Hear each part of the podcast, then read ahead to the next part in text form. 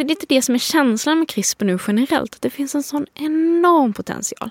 Det är så stora, stora områden där man skulle kunna gå framåt väldigt, väldigt snabbt.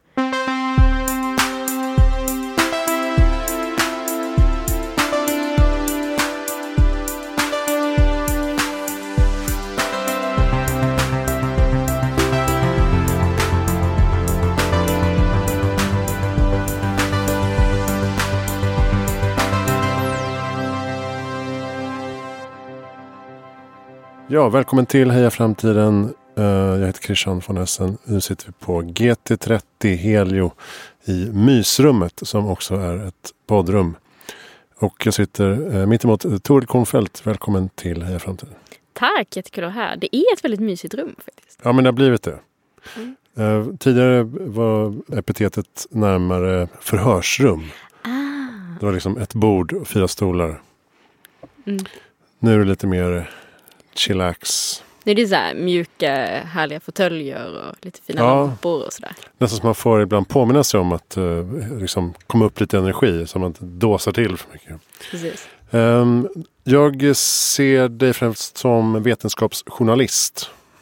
Och numera, eller numera författare. Men du, du, du släpper din andra bok, då blir man författare. Så. Precis, men man är väl officiellt författare vid andra boken faktiskt. Eh, det är väl så. Nej men det stämmer väl. Jag är biolog i botten och sen har jag jobbat som vetenskapsjournalist ett tag nu. Sveriges, jag har jobbat för Sveriges Radio, Dagens Nyheter, massa andra ställen. Och så för ett par år sedan så skrev jag en bok om att återskapa mammutar. Och nu precis har jag skrivit en bok om genteknik, genmodifiering. Kan vi bygga om våra egna kroppar? Kan vi bygga om våra barns kroppar? Vad ska vi göra med det?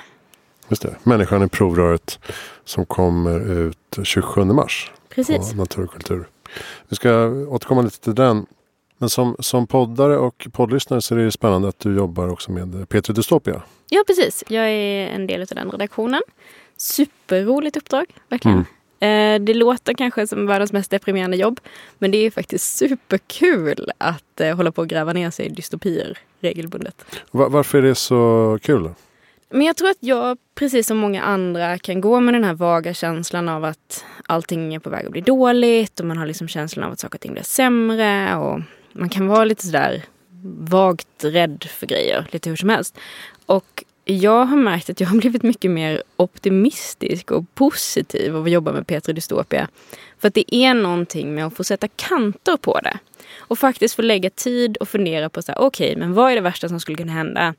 okej, okay, då är det det här, då vet jag det. Och då kan man liksom hantera det på ett helt annat sätt än att gå med den här vaga rädslan som man kan göra. Mm. Men jag, håller med faktiskt. Det, det, det, det händer någonting när man får se, när man drar ut, drar det till sin spets. Och säger, så här kan det bli om vi går den här vägen för långt. Och så kan man eh, gå tillbaks och säga, okej, okay, men då ska vi inte göra det. Och så kan man liksom förändra uh, här och nu istället. Ja men precis, precis. Så det är faktiskt väldigt uh ja, nej, jag blev väldigt glad och mm. positiv av det jobbet. Jag har varit lite så här småirriterad på att uh, inte Heja Framtiden ligger överst på, topp, på poddlistan utan det är Dystopia som ligger överst. Men om man, om man tänker så att uh, man behöver känna till vad som kan hända i framtiden för att liksom kunna skapa en bättre framtid. Då, då, då, kan, jag, då kan jag gå med på att, att det är Sveriges största podd. Ja men eller hur. Eller hur? Det blir så mycket rimligare då. ja, precis. Men, men jag såg också att du gjort tidigare ett program som heter Hopp. Ja precis, jag gjorde ett program i P1 som heter Hopp. Eh, som var otroligt kul att göra också. Det var ju lite tvärtom mot Dystopia egentligen. Men vi gjorde 10 minuters program om saker som har blivit bättre. Saker där man verkligen har sett eh, en koppling till forskning, utveckling, samhällsengagemang och förändring. Så allt från att eh, de flesta av de stora valarna har återhämtat sig till sol, eh, soldriven el i, på afrikanska landsbygden till eh, att våra äldre trots allt lever friska liv längre mm. och så vidare. Just det, och, och, nu finns inte den längre va? Den görs inte längre men den finns kvar i SRs arkiv så man kan hitta den om man söker på hopp. Just det. Och nu finns det en annan podd som heter Warp News, eh, podcast som eh, Warp News, eller Warp Institute samarbetar jag med. De har ju också Facebookgruppen med, med 10 000 medlemmar. Där man bara delar då positiva eh, faktabaserade vetenskapliga nyheter varje dag. Och eh, den podden är också att rekommendera. Det är typ mellan 5-10 minuter. Ja, positiva nyheter varje, varje vecka. Och varför ville du skriva Människan i provröret då? Det är ju en mer reportagig bok kan man säga. Ja, precis. Det här är en bok som på något sätt försöker titta på frågan vad kan vi göra med oss själva med hjälp av den nya gentekniken? Vad, vad, kan vi ha den till i våra egna kroppar? Och, och lite grann kommer det från att jag, min förra bok eh, handlade om att använda genteknik för att återskapa utdöda djur. Eh, vilket var jätteroligt och jättekul att jobba med den. Men redan då, den kom ut för fyra år sedan, och redan då var det på något sätt tydligt att men den här tekniken kommer vi använda på oss själva också. Och då var jag lite, lite för feg för att ta med det särskilt mycket i den boken. För jag kände att jag måste nog ja, jag vill ha lite mer på fötterna, jag vill hinna tänka på de här frågorna ordentligt själv. Men sen så har jag gått och, och, och vridit på det här sen dess. Och så bestämde jag mig för att men jag vill nog ändå Framförallt så vill jag ju träffa de som jobbar med det. Jag vill liksom inte sitta hemma och ha en massa åsikter om det här. Utan jag har varit ute och rest eh, mycket i Asien, eh, en del i USA. Träffat eh, forskare framför allt, men också ehm, ja, lite alla, alla möjliga som håller på med de här frågorna. Och som då tittar på vad kan vi ha den här tekniken till när det gäller oss själva? Och jag har försökt närma mig den frågan ganska nyfiket och, och öppet snarare än att gå in med en stark åsikt om att så här vare sig men liksom det här kommer rädda världen, vi kommer, all, alla sjukdomar kommer vi att bota och alla kommer bli friska. Och inte heller gå in med någon sorts så här, uh, Frankenstein, uh, zombieapokalyps, uh, Brave New World känsla utan försöka hitta någon sorts nyfikenhet i det istället. Har det varit svårt att få tillgång till de här personerna? För du är ju liksom djupt in i kinesiska labb och rotar. Ja, Kina var svårt. Kina var svårt. Jag tror jag mejlade ungefär 50 kinesiska forskare. Oj. Eh, och fick en handfull svar som jag då också var folk som jag åkte och besökte. Aha. Men, eh, men det, det finns ju många skäl till det. Det är ju ett ganska kontroversiellt ämne. Eh, de forskare som jag träffade var väldigt glada och tyckte det var väldigt trevligt att få träffa journalister och sådär. Det var verkligen inte svårt. Men, men har man inte riktigt en kultur av att, av att journalister ringer en lite stup i kvarten så, mm. så blir det ju lite märkligare när någon hör av sig också. Men jag gillar också att du inte du, du fjäskar inte för dem liksom, utan du, du kan vara ganska så här kritisk eh, mot deras verksamhet när du kommer hem och får lite distans till det? Ja, och det var nog Kändes det viktigt att få den journalistiska ja. äh, vinkeln på det? Jo men precis, för mig var det superviktigt. Och det, det, är jätteviktigt att man ändå kan ha en ganska nykter blick på de här frågorna. Um, och där handlar det också om att jag tyckte i de, i de flesta fall, förutom ibland när det var lite språkproblem, så tyckte jag att det var inte alls några problem att ställa kritiska frågor när jag var där heller. Um, mycket handlar det om att det ändå inom den vetenskapliga kulturen finns en tradition av att man, man ifrågasätter och man är kritisk och, och man tittar på, på utvecklingspotential och sådär. Och jag måste väl säga att jag såg väldigt mycket som jag är väldigt imponerad av. Men med det sagt så, så finns det ju både etiska och vetenskapliga frågetecken kring mycket av den forskningen också. Det måste man ju vara tydlig med. Ehm, som, som journalist så, så, tycker jag att det är självklart för mig att jag måste lyfta både det jag tycker är bra och det jag tycker är dåligt. Mm. Varför eh, ser det så annorlunda ut i Kina då? Har de ett helt annat regelverk för den här typen av eh, tester? Jo men så är det ju. Alltså, systemen ser ju lite olika ut i, i Kina och i eh, både Europa och USA. Um, ehm, om man tittar på till exempel uh, att få lov att använda nya teknik på mänskliga patienter, även om det handlar om mänskliga patienter som är otroligt sjuka och där det inte finns några som helst andra behandlingar som skulle kunna fungera. Uh, till exempel då sista stadiet uh, cancerpatienter som jag träffade när jag var där.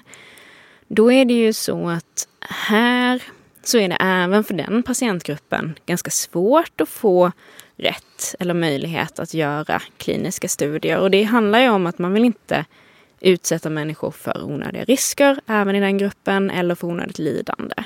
Och i Kina så är den processen lättare. Och det gäller även saker som eh, försöksdjur och att göra genmodifierade apor till exempel, som jag också var och tittade på. Så att det finns ett regelverk som är annorlunda. Sen så tror jag också att det handlar mycket om att Kina har på ett politiskt plan verkligen bestämt sig för att bli världsledande i de här frågorna. Man har satsat otroligt mycket pengar på vetenskaplig utrustning, utbildning, utveckling under de senaste åren. Och, och det märks. Det märks att det finns liksom resurser. Men det är ju också i kombination med att det i viss utsträckning blir ganska politiskt styrt. Så att det har ju också varit tydligt att eh, i Kina så, så blev det ju en ganska stor skandal 2000, slutet på 2018 när de första genmodifierade barnen föddes. Och det har ju också lett till politiska beslut som har stängt ner mycket av den här eh, utvecklingen av forskningen på ett sätt som det inte hade skett i Europa heller. Liksom. Just det. Man har båda sidorna så att säga. Och vad är din känsla så här efteråt? De kan ju gå snabbare fram för att hitta lösningar på sjuk, eh, sjukdomar till exempel. Men det är också liksom ibland tveksamma metoder. Hur ser du på den liksom balansen mellan regleringar och eh, köra hårt? Alltså jag tycker att det kan vara en av de absolut svåraste frågorna faktiskt. Så det, jag vill inte ens försöka svara på något så här kort och konkret. Eller, eller hur, det hade varit så bra om man ja. bara så här, Kör! förstår du? eh, nej men det, det handlar ju om avvägningar hela tiden. Och här så tror jag också att det finns ju liksom en tredje faktor i det också som handlar om att om man dessutom lägger in väldigt mycket prestige och väldigt mycket pengar i de här frågorna så ökar ju också sannolikheten att någon gör någonting som skulle kunna bli bra men att man gör det lite för snabbt och på ett lite för dåligt sätt. Så det, blir, det finns ju verkligen en risk att det blir en ganska toxisk mix. Och mm, tyvärr så får man väl nog ändå säga att det här första exemplet på genmodifierade barn som har fötts då, slutet på 2018, det är ett ganska tydligt exempel på precis den här toxiska blandningen av avslappnat regelsystem, väldigt mycket pengar, en mycket prestigehungrig läkare och forskare som bestämmer sig för att, för att börja dra det här projektet. Där de flesta forskare säger att det finns en diskussion som man kan ha om det var rätt att göra det i princip sak. Men man kan också konstatera att han har varit ganska slarvig och, och snabbat på mm. rätt mycket. Liksom. Vad hette han? Han hette He Jiankui. Just det. Och, och, och, du menar att han, eh, han försvann efter det? Han liksom eh, ja, kan eh, vara bortrövad? Nej, han är, nu har han faktiskt blivit dömd officiellt mycket okay. nyligen. Men han har ju inte synts. Liksom. Det, inte... det som hände var att um, det finns en stor internationell konferens om genmodifiering på människor och hur det kan användas i sjukvården som hålls regelbundet. Och eh, Eh, den här forskaren hade bokat in då en talartid och eh, någon dag innan så dyker det upp Youtube-video med honom där han berättar att han har genmodifierat två stycken flickor. Genmodifierat dem redan som foster, vilket betyder att den här modifieringen kommer kunna gå i arv till deras barn. Och sen håller han sin föreläsning och en eh, frågestund efter den, sammanlagt eh, lite mindre än två timmar. Och sen är han borta. Sen försvinner, så fort han går av scenen så försvinner han också. Mm. Och sen är han borta i lite mer än ett år. Precis vid nyår, det här nyårsskiftet år 2019-2020, så kom beskedet från Kina att han är dömd till fyra års fängelse och ganska saftiga böter.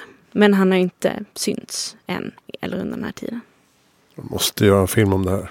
Ja men eller hur. så, det är så uppenbart. Shit. Men eh, man kanske ska tillägga att han, det han försökte göra var ju att eh, skapa någon slags immunitet mot eh, HIV. Precis. Så det finns människor som har, eh, som verkar ha en medfödd immunitet mot HIV. En eh, mutation som skyddar. Eh, man har naturligtvis inte gjort blindprover och infekterat folk med hiv för att kolla att det verkligen funkar. Så, men, men, men den verkar faktiskt skydda. Och då har han försökt skapa samma mutation igen hos de här flickorna. Var det så att flickornas föräldrar hade HIV? Pappan. Pappan, okej. Okay. Då ska man också säga att, att om man som förälder har HIV så kan man se till att inte barn blir smittade. Um, det, det, finns metoder för det som inte okay. är genmodifieringsmetoder. Och de hade man också gjort så att de här barnen inte skulle ha blivit smittade från början. Mm. Man, till exempel man tvättar sperman på ett sätt som gör att man Aha. Inte får med sig någon virus. Men kan man göra det hemma? Man kan inte göra det hemma. man, ska, man ska inte göra det hemma. Ah, okay. Um, men men det, det, finns metoder. Och sen så hade han då använt uh, genmodifieringsverktyget CRISPR, som de flesta kanske har hört talas om, och gått in och försökt göra om den här mutationen och skapa då samma mutation. Och det han har gjort är att han har förändrat rätt gen, men på fel sätt. Så han har gjort en helt ny mutation som kanske, eller kanske inte, kan ge det här skyddet. Och det verkar också som att han heller inte riktigt har lyckats se till att åtminstone hos en av flickorna så har inte alla cellerna i kroppen fått den här nya mutationen heller. Och då vet man inte riktigt heller vad som kommer hända. Men det som är intressant är också att han stod upp för sitt val. Mm. Han tycker att han har agerat eh, korrekt inom citationstecken för att eh, han vill eh, mänsklighetens bästa och flickornas bästa. Precis. Och eh, det här borde vi fortsätta göra. Liksom. Ja, han, är väldigt, han, han försvarade det väldigt starkt på den här eh, konferensen. Och eh, tyckte att det här är väl närmast en, en plikt man har som forskare. Och mycket av den kritiken som har kommit handlar ju också om mycket av den handlar om vilken sjukdom han valde. Alltså att man väljer en sjukdom där det finns andra sätt att skydda sig jämfört med då till exempel allvarliga genetiska sjukdomar som är ärftliga. Där det kanske hade varit fler personer kanske hade tyckt att det var rimligt att börja mm. där. Mm. För, det, för det är ju det är ju en av de stora frågorna nu. Han är ju ett lite extremt exempel därför att han också var liksom slarvig och han gjorde det här utan tillstånd. Och det, det är lite så här hela Frankenstein-storyn på det. Men det väcker väldigt mycket frågan, så här, vilka sjukdomar är tillräckligt allvarliga för att det här skulle kunna vara ett alternativ. Och då är det ju, det finns ju ganska många sjukdomar som är ärftliga ehm, och som är väldigt dödliga. Antingen på nivån att, att ehm, man kan få missfall eller att fostret dör väldigt tidigt. Eller att, att små barn dör men också sjukdomar som det som då ofta leder till döden i kanske 30-årsåldern. Eller någonting sånt. Mm. Um, och där, där är det ju... I, idag så finns det för vissa av de här sjukdomarna andra sätt att skydda sig. Oftast så handlar det om att man försöker välja vilka ägg eller vilka spermier man, man tar. Man gör genetiska prover på embryon innan man eh, gör en provrörsbefruktning till exempel och så vidare. Innan man då stoppar in ett embryo i kroppen igen. Mm. Men för en del av de här sjukdomarna så finns inte de alternativen heller. Och då kanske det här är rätt väg. Liksom. Mm. Jag, tycker om att du sa att det här är kanske den svåraste frågan -huh. vi har. Uh, och det är det jag tänkte försöka komma in på lite grann för att uh, vi kommer ju ställas inför det här allt mer uh, framöver. det finns en bok som heter Hacking Darwin som du kanske också har uh, Jag har inte läst den, jag vet på det. Mm. Nej, men han menar att, att uh, sexuell reproduktion kommer vara liksom uh, barbariskt i framtiden. Varför ska man chansa en sorts lotteri när man kan få ett prydligt uppradat IVF-embryo bord liksom, med mm. 40 varianter. Och så har man ett formulär där man kan checka, checka boxar. Och det, det, låter lite så här kusligt. Och det är liksom längd och eh, muskalitet och ögonfärg. Ja, ja, kul, kul. Men det är bara att så fort man börjar få frågorna om så här. Ja, hur var det nu? Vill du ha eh, diabetesembryot eller inte? Köp det här paketet. Och, så, och, och, då blir det ju plötsligt då blir det ju djupt oetiskt att välja den som har en kronisk sjukdom. Eller hur? Mm. Så då ställs ju föräldern inför det. Och så måste man eh, eh göra nya val. Så att under din liksom research kring den här boken. Vad, vad har du känt? Liksom, vart är vi på väg inom det området? Men jag, jag, jag tror att det du beskriver är ett val som åtminstone de som har pengar kommer att stå inför ganska snart. Alltså mycket snart. Och då handlar det dels om att göra genmodifiering men också göra de här urvalen. Typ. Nu har du fem embryon här. Två av dem har en diabetesgen. Ett av dem har en, en gen för eh, ökad risk för Alzheimers i framtiden. Och hos en, ett av de här embryona har vi inte hittat några riskfaktorer alls. Vilket, vilket vill du ha? Liksom. Mm. Eh, och jag, jag, alltså jag, det jag tyckte var allra intressantast med den här frågan det är ju att ja, men så här, var går gränserna? Och var ska vi liksom sätta alltså inte bara lagstiftningsmässigt utan också så individuellt. Uh, för det finns sjukdomar där det är ganska självklart att naturligtvis vill man inte att, att uh, barn ska födas med allvarliga skador som orsakar ett otroligt lidande och kanske att de dör tidigt. Det är liksom inte ens en fråga. Um, men Ja, men just de här andra. Jag, jag, jag, jag använder mig själv i boken som ett, som ett ganska extremt exempel mm. åt andra hållet. Jag är rödhårig. Jag är fräknig, speciellt på sommaren. Och jag är sådär allmänt prickig i huden lite överallt. Massa typ små fläckar och sådär. Usch. Ja, eller hur? Fy. Men det innebär ju att jag har en, en rejält förhöjd risk att få hudcancer. Jag har faktiskt det. Det, det, är en, det är en genetisk faktor och det är någonting som jag får tänka på i mitt liv. Även om jag kanske inte tänkte på det så mycket när jag var tonåring som jag borde. Men eh, är det tillräckligt för att mina föräldrar skulle ha valt bort, valt bort det? Jag tycker Nej. ju själv att min rödhårighet är en väldigt stor del av min identitet. Liksom. Precis, och du touchar ju på det i, i boken också där. Eh, vad, vilka ska man välja bort och vad händer då med ett samhälle som blir mer likriktat? Där alla mm. är liksom normala inom citationstecken. Det blir inte en särskilt kul värld heller. Nej, och det finns ju också, det finns ju också, alltså genetik är ju väldigt komplicerat. Så många, många saker har ju effekter i väldigt många steg och på väldigt många ställen. Och du kan ju ha eh, genvarianter som... Det finns en väldigt stark koppling mellan kreativitet och vissa typer av psykisk sjukdom. Eh, och den verkar vara genetisk. Det verkar vara så att du kan ha en, en genetiskt förhöjd möjlighet att bli väldigt kreativ. Men med den kommer också en genetiskt förhöjd risk att få en del sjukdomar. Mm. Och det, det är valet som förälder inte heller lätt att göra. För att, för att man vill ju inte heller hamna i att, att ingen blir så riktigt kreativ heller. Nej, det, det, kommer, det kommer vara väldigt spännande diskussioner att följa i alla fall. Och eh, det här måste man ju liksom hitta någon slags konsensus om på global nivå. För att eh, så fort ett land säger nej så åker man till nästa land. Det är liksom väldigt enkelt. Det märker vi redan idag. Um, men hur, hur, ser du på, du vill också prata med liksom mer biohacker-communityt eh, och um, community labs och sånt. Hur ser du på den här liksom, demokratiseringen av biologi och biotech? Um, är den självreglerande på ett annat sätt?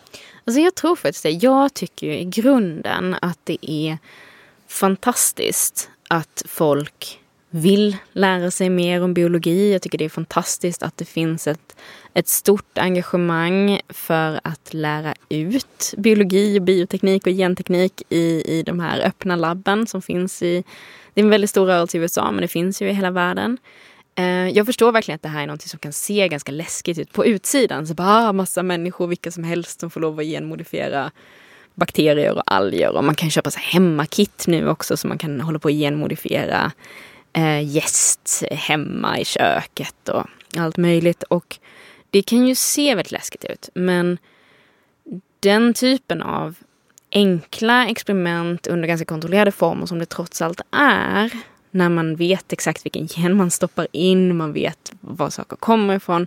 Och allvarligt talat så, så har inte de här den typen av genmodifierad, liksom, självlysande genmodifierad gäst har inte jättestor chans att överleva ute i, ute i naturen i alla Nej. fall. Så det finns, finns trots allt väldigt få risker. Men man kan få en mycket större förståelse för vad det här är och vad tekniken är. Så att jag tycker egentligen det är något väldigt positivt. Um, med det sagt så finns det också en, en liten, liten subgrupp i det communityt nu som tittar på möjligheten att göra genmodifieringar på sig själva. Det kan man ju också bli väldigt nervös när man hör och blir så här, ah, Hulken, alla kommer bli Hulken. Eh, och jag tror att jag, det jag är nervös är väl snarare att så här, folk kommer att råka skada sig själva ganska allvarligt. Väldigt många människor jämför genmodifiering med hacking och datorprogrammering och så här. Det är verkligen inte likt. Vi har byggt datorer. Vi har skrivit koden från början. Vi vet hur det fungerar. Inom genetiken så är det fortfarande mycket som vi inte vet. Det finns mycket oväntade effekter och samband som vi fortfarande upptäcker. Och det gör att risken att man kan råka, om, om man råkar göra någonting som ens har effekt på ens egna gener, så är risken att man kan få oväntade effekter och att de kan vara negativa väldigt, väldigt stor. Mm. Och du, du tar ju upp det också i något kapitel i boken att du liksom vill röra till det lite grann. Att visa på att det är inte en prydlig kryddhylla utan det är en, eh, en stökig indisk gryta som står och puttrar.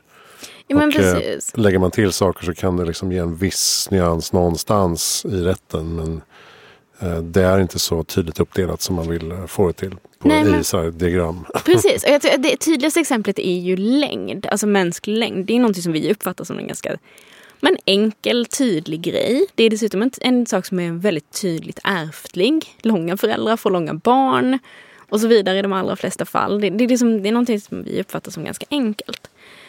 Den senaste beräkningen är att det finns mer än 700 olika gener som allihopa påverkar längden. Och förutom de 700 generna så finns det också minst 100 000 små andra bitar av arvsmassan som inte är gener men som ändå påverkar vilka gener som ska vara aktiva och så vidare. Som också påverkar längden. Så du har 700 gener och så då 100 000 sådana här andra eh, liksom små element som allihopa påverkar längden. Och det är ju helt absurt. Alltså det är helt, helt absurt. Men det det också säger är ju att eftersom vi bara har 20 000 gener totalt så kan vi inte ha 700 som bara sysslar med längden. Utan vart och en utav de generna påverkar ju dessutom 100 andra grejer i kroppen också. Så att så fort du liksom vrider lite på någon av dem och drar i någon av de här trådarna så kan du få, du kanske får en effekt på längden. Men du kan också få effekt på fullständigt oväntade saker. Så här, Mm. Dina tånaglar växer snabbare. Ja, exakt. Så här, du fick tätare ögonfransar. Eller du fick mindre öron. Eller vad som helst. Liksom. Man ska vara försiktig med att eh, ratta för mycket på det där, eh, med andra ord. Man ska ju det. För det är inte så mycket rattar som det är liksom ett total liksom härva av snören. En katt som har lekt med tio nystan samtidigt och så ska Mm. du dra någonstans i det. Liksom. Ja, men det kan vara bra att komma ihåg. Eh, kan inte du försöka dig på att eh, beskriva hur CRISPR fungerar då? Ja, Bara så att vi har liksom definierat vad det är. ställer för så lätta frågor. Ja, det är. Ja, eh, nej, men CRISPR är, CRISPR är från början någonting som bakterier utvecklade som ett sätt att skydda sig mot virus. Och det handlar om att bakterier sparade på små snuttar av arvsmassa från virus och använde dem som ett referensbibliotek och sen tillsammans med ett enzym, KAS, liksom letar upp arvsmassa som liknar det här referensbiblioteket. Och det är då ett sätt att liksom, om det kommer in ett virus så ska man kunna skydda sig mot det. Först hittade man de här små snuttarna konstig arvsmassa. Det är det, som CRISPR är liksom döpt efter. Att man bara så här, vi hittar de här små bitarna i, i bakteriers arvsmassa, vi vet inte vad de gör. Ungefär. Och sen fattar de att men det här är ett referensbibliotek, de hänger ihop med det här enzymet. Det finns ganska många olika varianter på det här systemet i naturen. Och så kom man på att den här, det här systemet, referensen plus enzymet som klipper, det kunde man ju styra. Man kan ju ge det vilken instruktion som helst. Så att det man gör nu är att du tar eh, en liten, liten snutt arvsmassa och ger det i princip till systemet. Och sen kommer det här systemet att inne i en cell, inne längs med arvsmassan, hitta den biten av DNA som matchar den här instruktionen som de har fått. Och sen klipper den. Och då håller man nu på att förfina. Så här, man kan klippa mycket, man kan öppna upp stort. Då kan man stoppa in nytt arvsmassa. Man kan klippa på ett sätt som gör att man har sönder gener, som att de inte är aktiva längre. Och man tittar nu på möjligheten att bara ändra enskilda bokstäver så att det är liksom som att gå in och rätta i ett, ett eh, Word-dokument ungefär. Um, och det här låter kanske inte så himla imponerande. Jag tycker det låter ganska imponerande. Det är en otrolig nivå av eh, nyans och förfining jämfört med vad man haft innan. Så tidigare så har man mest så här slängt in gener. Man har liksom försökt ha sönder arvsmassan lite i allmänhet. Slängt in gener som man har gjort och så hoppas att när systemet då lagrar arvsmassan att de här nya generna ska inkorporeras. Och då har alltid risken funnits att det blir fel eller att de eh, sätts in på ställen som inte är aktiva så att det blir liksom spelar ingen roll att de sitter i arvsmassan för ingen, de, de, de får ingen effekt i alla fall. Men nu så kan man ju dels göra så att man kan bygga om arvsmassan utan att faktiskt stoppa in nya gener. Så att eh, en del av diskussionerna som har varit mot till exempel GMO tidigare, att man tar en gen från en art och flyttar till en annan, de blir inte lika relevanta längre. Men det är också så att man kan se till att, typ att om du vill att den här nya genen alltid ska vara i kombination med den här genen som redan finns där, men då sätter du in den i närheten och så, så kan du liksom finlira mycket, mm. mycket mer än man kunnat innan. Och vad ser du för potential då? Kommer kunna bota de flesta typer av sjukdomar på det här sättet? Om man ser att den här tekniken blir betydligt mer förfinad ytterligare 5-10 år framåt. Men så här, på ett eller annat sätt så kommer den här tekniken att kunna bidra till nästan alla sjukdomar. Faktiskt. Till att, till att bota eller till att bli bättre på att diagnostisera eller till att utveckla bättre läkemedel på något annat sätt så, så kommer den här vara en del av det. Man kan titta på coronautbrottet som pågår nu.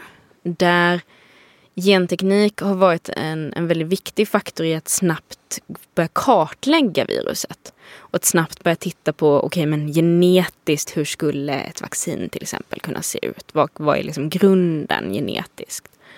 Och även då om ett, ett virus kanske är någonting som är ganska långt ifrån vad man först tänker sig att det här kan användas till. Um, så tittar man faktiskt på möjligheten att använda det för att bota hiv. Så inte förebygga på det sättet som He Jiankui gjorde utan att faktiskt använda den här tekniken för att bota patienter som redan har hiv. Eh, tanken är då att man ska eh, göra genmodifieringar i immunsystemet på ett sätt som gör att viruset inte kan smitta vidare inom kroppen. För det, det, som händer nu är att det rör sig från cell till cell in i kroppen också kontinuerligt och det skulle betyda att efterhand som de smittade cellerna man har dör så blir man också frisk. Mm. Uh, och sen så är det naturligtvis så att alla, alla genetiska sjukdomar finns det ju en möjlighet att titta på det här. Det är lätt lättare när det är sjukdomar som är kopplade till en specifik kroppsdel. Till exempel så vet jag att det pågår studier för att få levern att funka bättre om man har genetiska skador där. Um, det, man tittar på det brett i cancerbehandling. Och sen så finns det ju det här också att man kan använda det för att göra genetiska modifieringar på försöksdjur. Uh, och sen då få bättre försöksdjur som gör att man kan få bättre läkemedel även till de sjukdomar där det inte är självklart att, att man skulle kunna göra förändringarna på oss.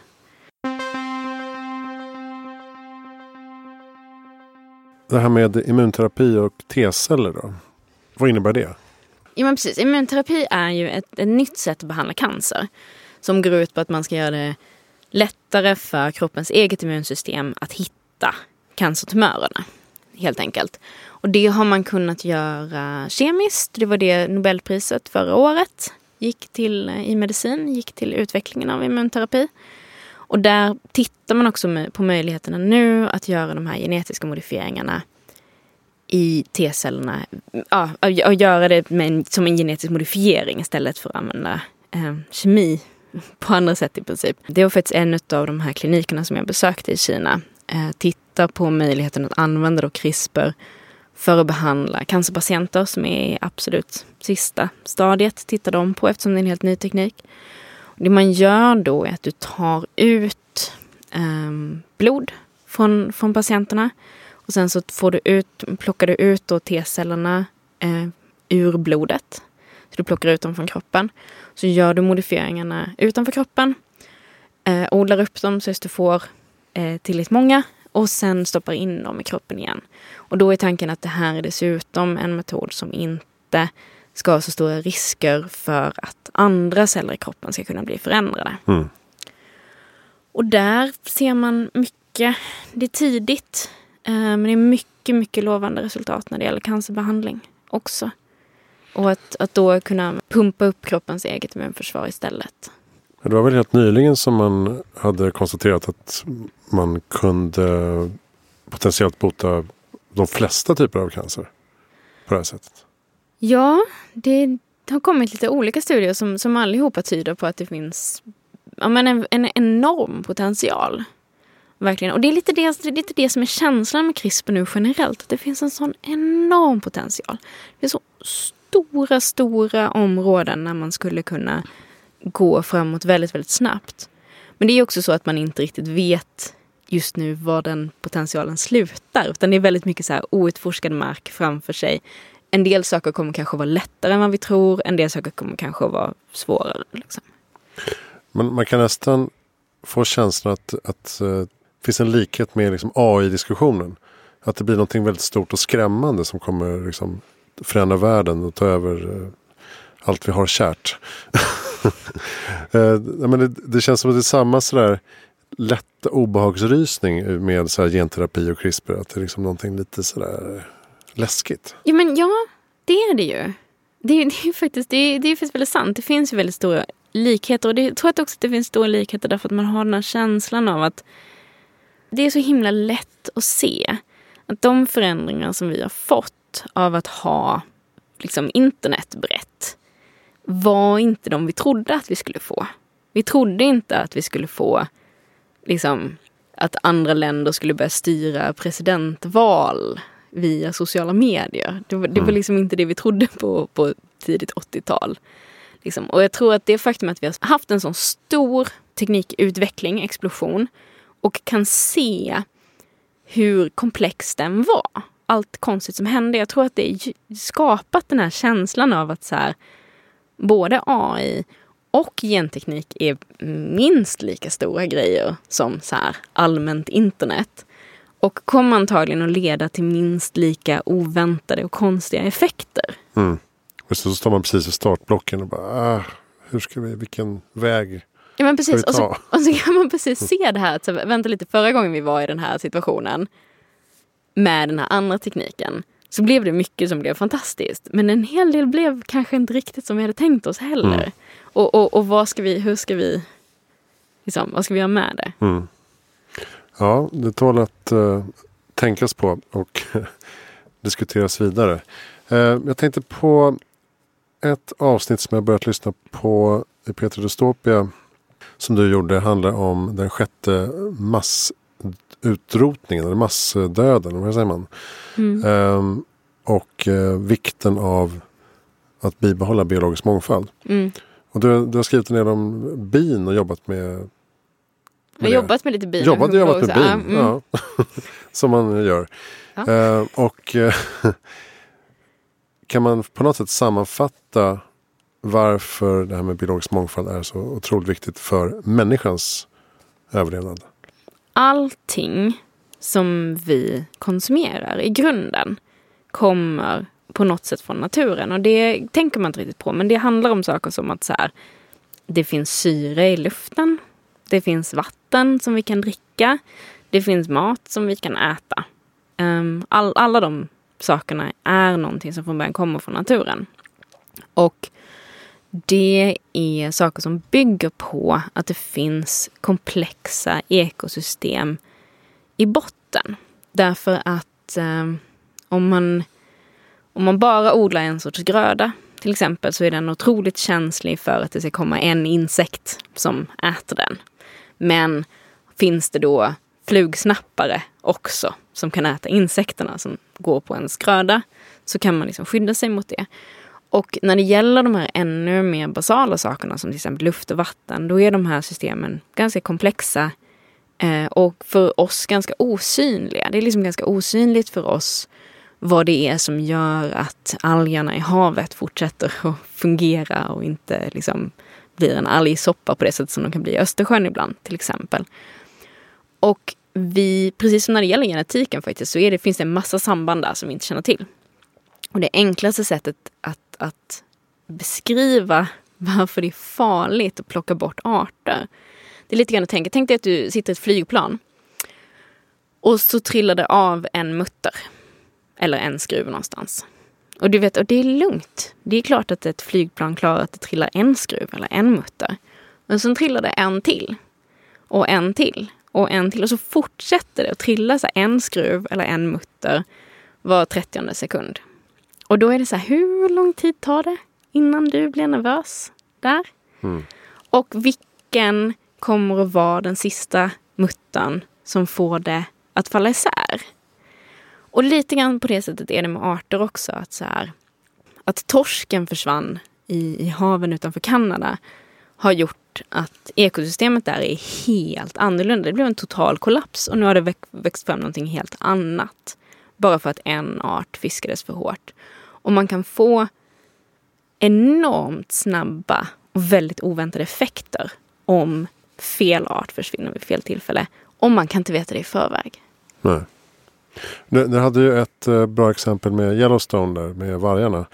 Eh, jag kommer inte ihåg, jag har hört det förut, men jag kommer inte ihåg vem som har berättat det. Men, men kan inte du berätta kort vad som hände där? Vargarna hade försvunnit. Precis. Var det så? I Yellowstone så hade vargarna försvunnit sedan ganska länge. Alltså nationalpark i USA? Nej, nationalpark i USA, en av de riktigt stora nationalparkerna. Och um, vargarna hade varit borta ganska länge men man bestämde sig för att uh, plantera in vargar igen. För att man hade mycket hjortdjur och sådär. Och det som hände då var att eh, floderna, bland annat så hände det att floderna ändrade lopp. Eh, och då var det så att när vargarna kom in så dels så alltså jagade de ju djur. Men framförallt så fick de djuren att ändra beteende. Så att djuren blev lite nervösare, lite räddare. Det gjorde att de eh, inte betade lika mycket precis på strandkanten. Det i kombination med att det kom fler bävrar gjorde också att eh, det växte lite mer buskar och sly längs med eh, stränderna. Och som dels bävrarna kunde äta och använda, så de gynnades. De här buskarna och slyna så fanns det massa småfåglar eh, och massa små möss och grejer. Och då gynnades saker som rävar och små rovfåglar. Och de här buskarna tillsammans med bävrarna gjorde också att vissa delar av de här stränderna på floderna blev mycket fastare och satt hårdare. Medan andra blev liksom lösare så att när det blev mycket vatten så spolades de bort mer. Så i slutändan så började floden liksom rinna annorlunda eh, genom landskapet. Och man fick en, en jättestor artrikedom av en massa olika arter som blev vanligare bara för att vargen kom tillbaka. Mm. Och, och, och, där menar jag att på så sätt kan man förstå mm. komplexiteten i eh, globala ekosystemet också. Ja, precis. Och, och, och grejen är att ingen hade kunnat förutsäga det. Ingen kan, man kan inte dra en rak linje och säga nu sätter vi in vargar, därför kommer vi att få mer av den här lilla småfågeln som lever på en insekt som lever på en blomma som pollineras av en annan insekt som, är, som lever på en specifik buske som bara kan växa. Om, alltså, man, kan inte hit, man kan inte se den typen av samband i förväg utan de blir bara tydliga när de rubbas. Det vill säga när en art antingen kommer tillbaka eller försvinner. Och därför finns det också ett värde av att vara väldigt att ha en ganska stark försiktighetsprincip. Därför att vi har sett ganska många exempel på att enskilda arter vid olika tillfällen verkligen kan vända om ekosystem helt. Skulle du kunna ta bort fästingar kanske? Jag tror det. Det hade väl varit ett... Kommer det rubba allt? Bra exempel. Jag har faktiskt funderat på, jag har inte hittat några studier på De kan inte vara så jävla matiga för någon heller. Nej, jag har faktiskt jag har funderat på detta. Jag tror att en av de sakerna som skulle hända om man tog bort fästingar skulle vara att man skulle få mycket mer eh, igelkottar, möss, sorkar, smågnagare och så vidare. Därför att Eh, även om fästingarna inte dödar dem direkt så är de ett tillräckligt stort hälsoproblem för den små däggdjur. Eh, för att typ göra att de kanske får lite färre ungar eller att färre ungar klarar sig upp i åldrarna. Och sådär. Kackerlackor? Kackerlackor, då skulle man nog få större problem tror jag. Vem äter kackerlackor? Allt, allt äter kackerlackor. Alla möjliga djur äter kackerlackor. Ja. Mm. Ja, de måste vara rätt eh, gosiga att äta. Ja, eller hur? Mycket Saftiga. mat. Mycket mat på en mm. sån. Kräm. lite krämigt, lite... lite ja, det är olika, olika text, texturer. Ja. Precis. ja, men det, det är sant.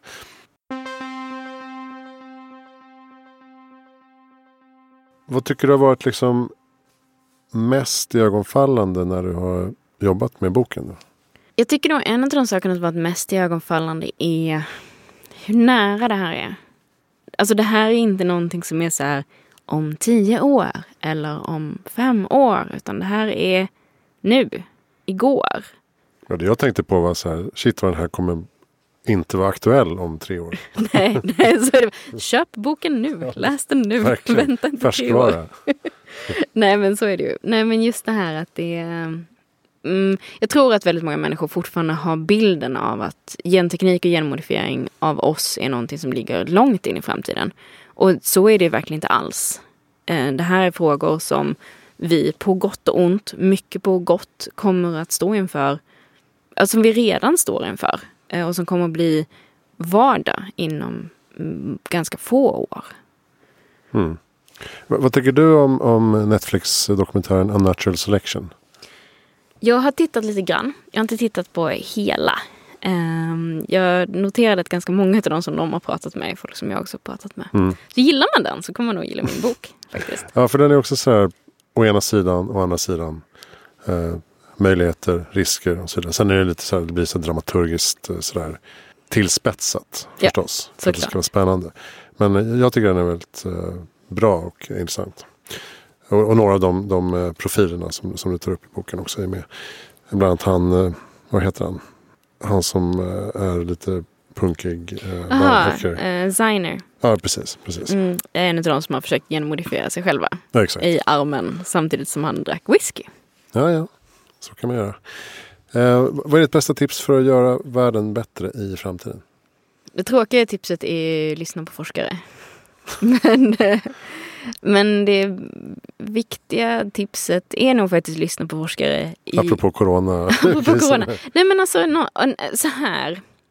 Att närma sig världen med nyfikenhet och med insikten om att man faktiskt inte vet allting själv um, är nog faktiskt det absolut viktigaste som krävs för att världen ska bli bättre generellt. Och i det ligger att ha lite kritik naturligtvis men framförallt också ha respekt för de som vet mer än man själv inom specifika områden.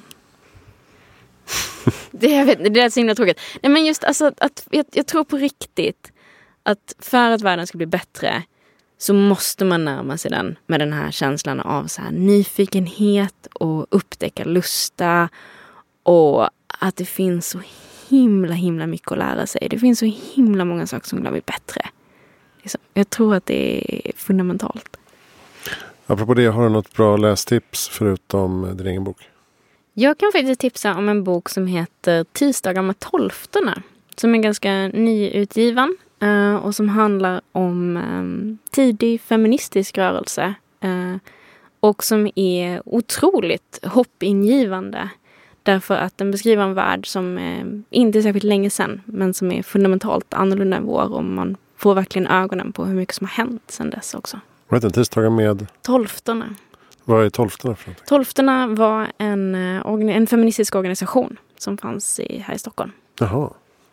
Vilket, eh, vilken tid pratar vi? Vi pratar eh, sent 1800-tal, tidigt 1900-tal. Bra. Den ska vi kolla upp.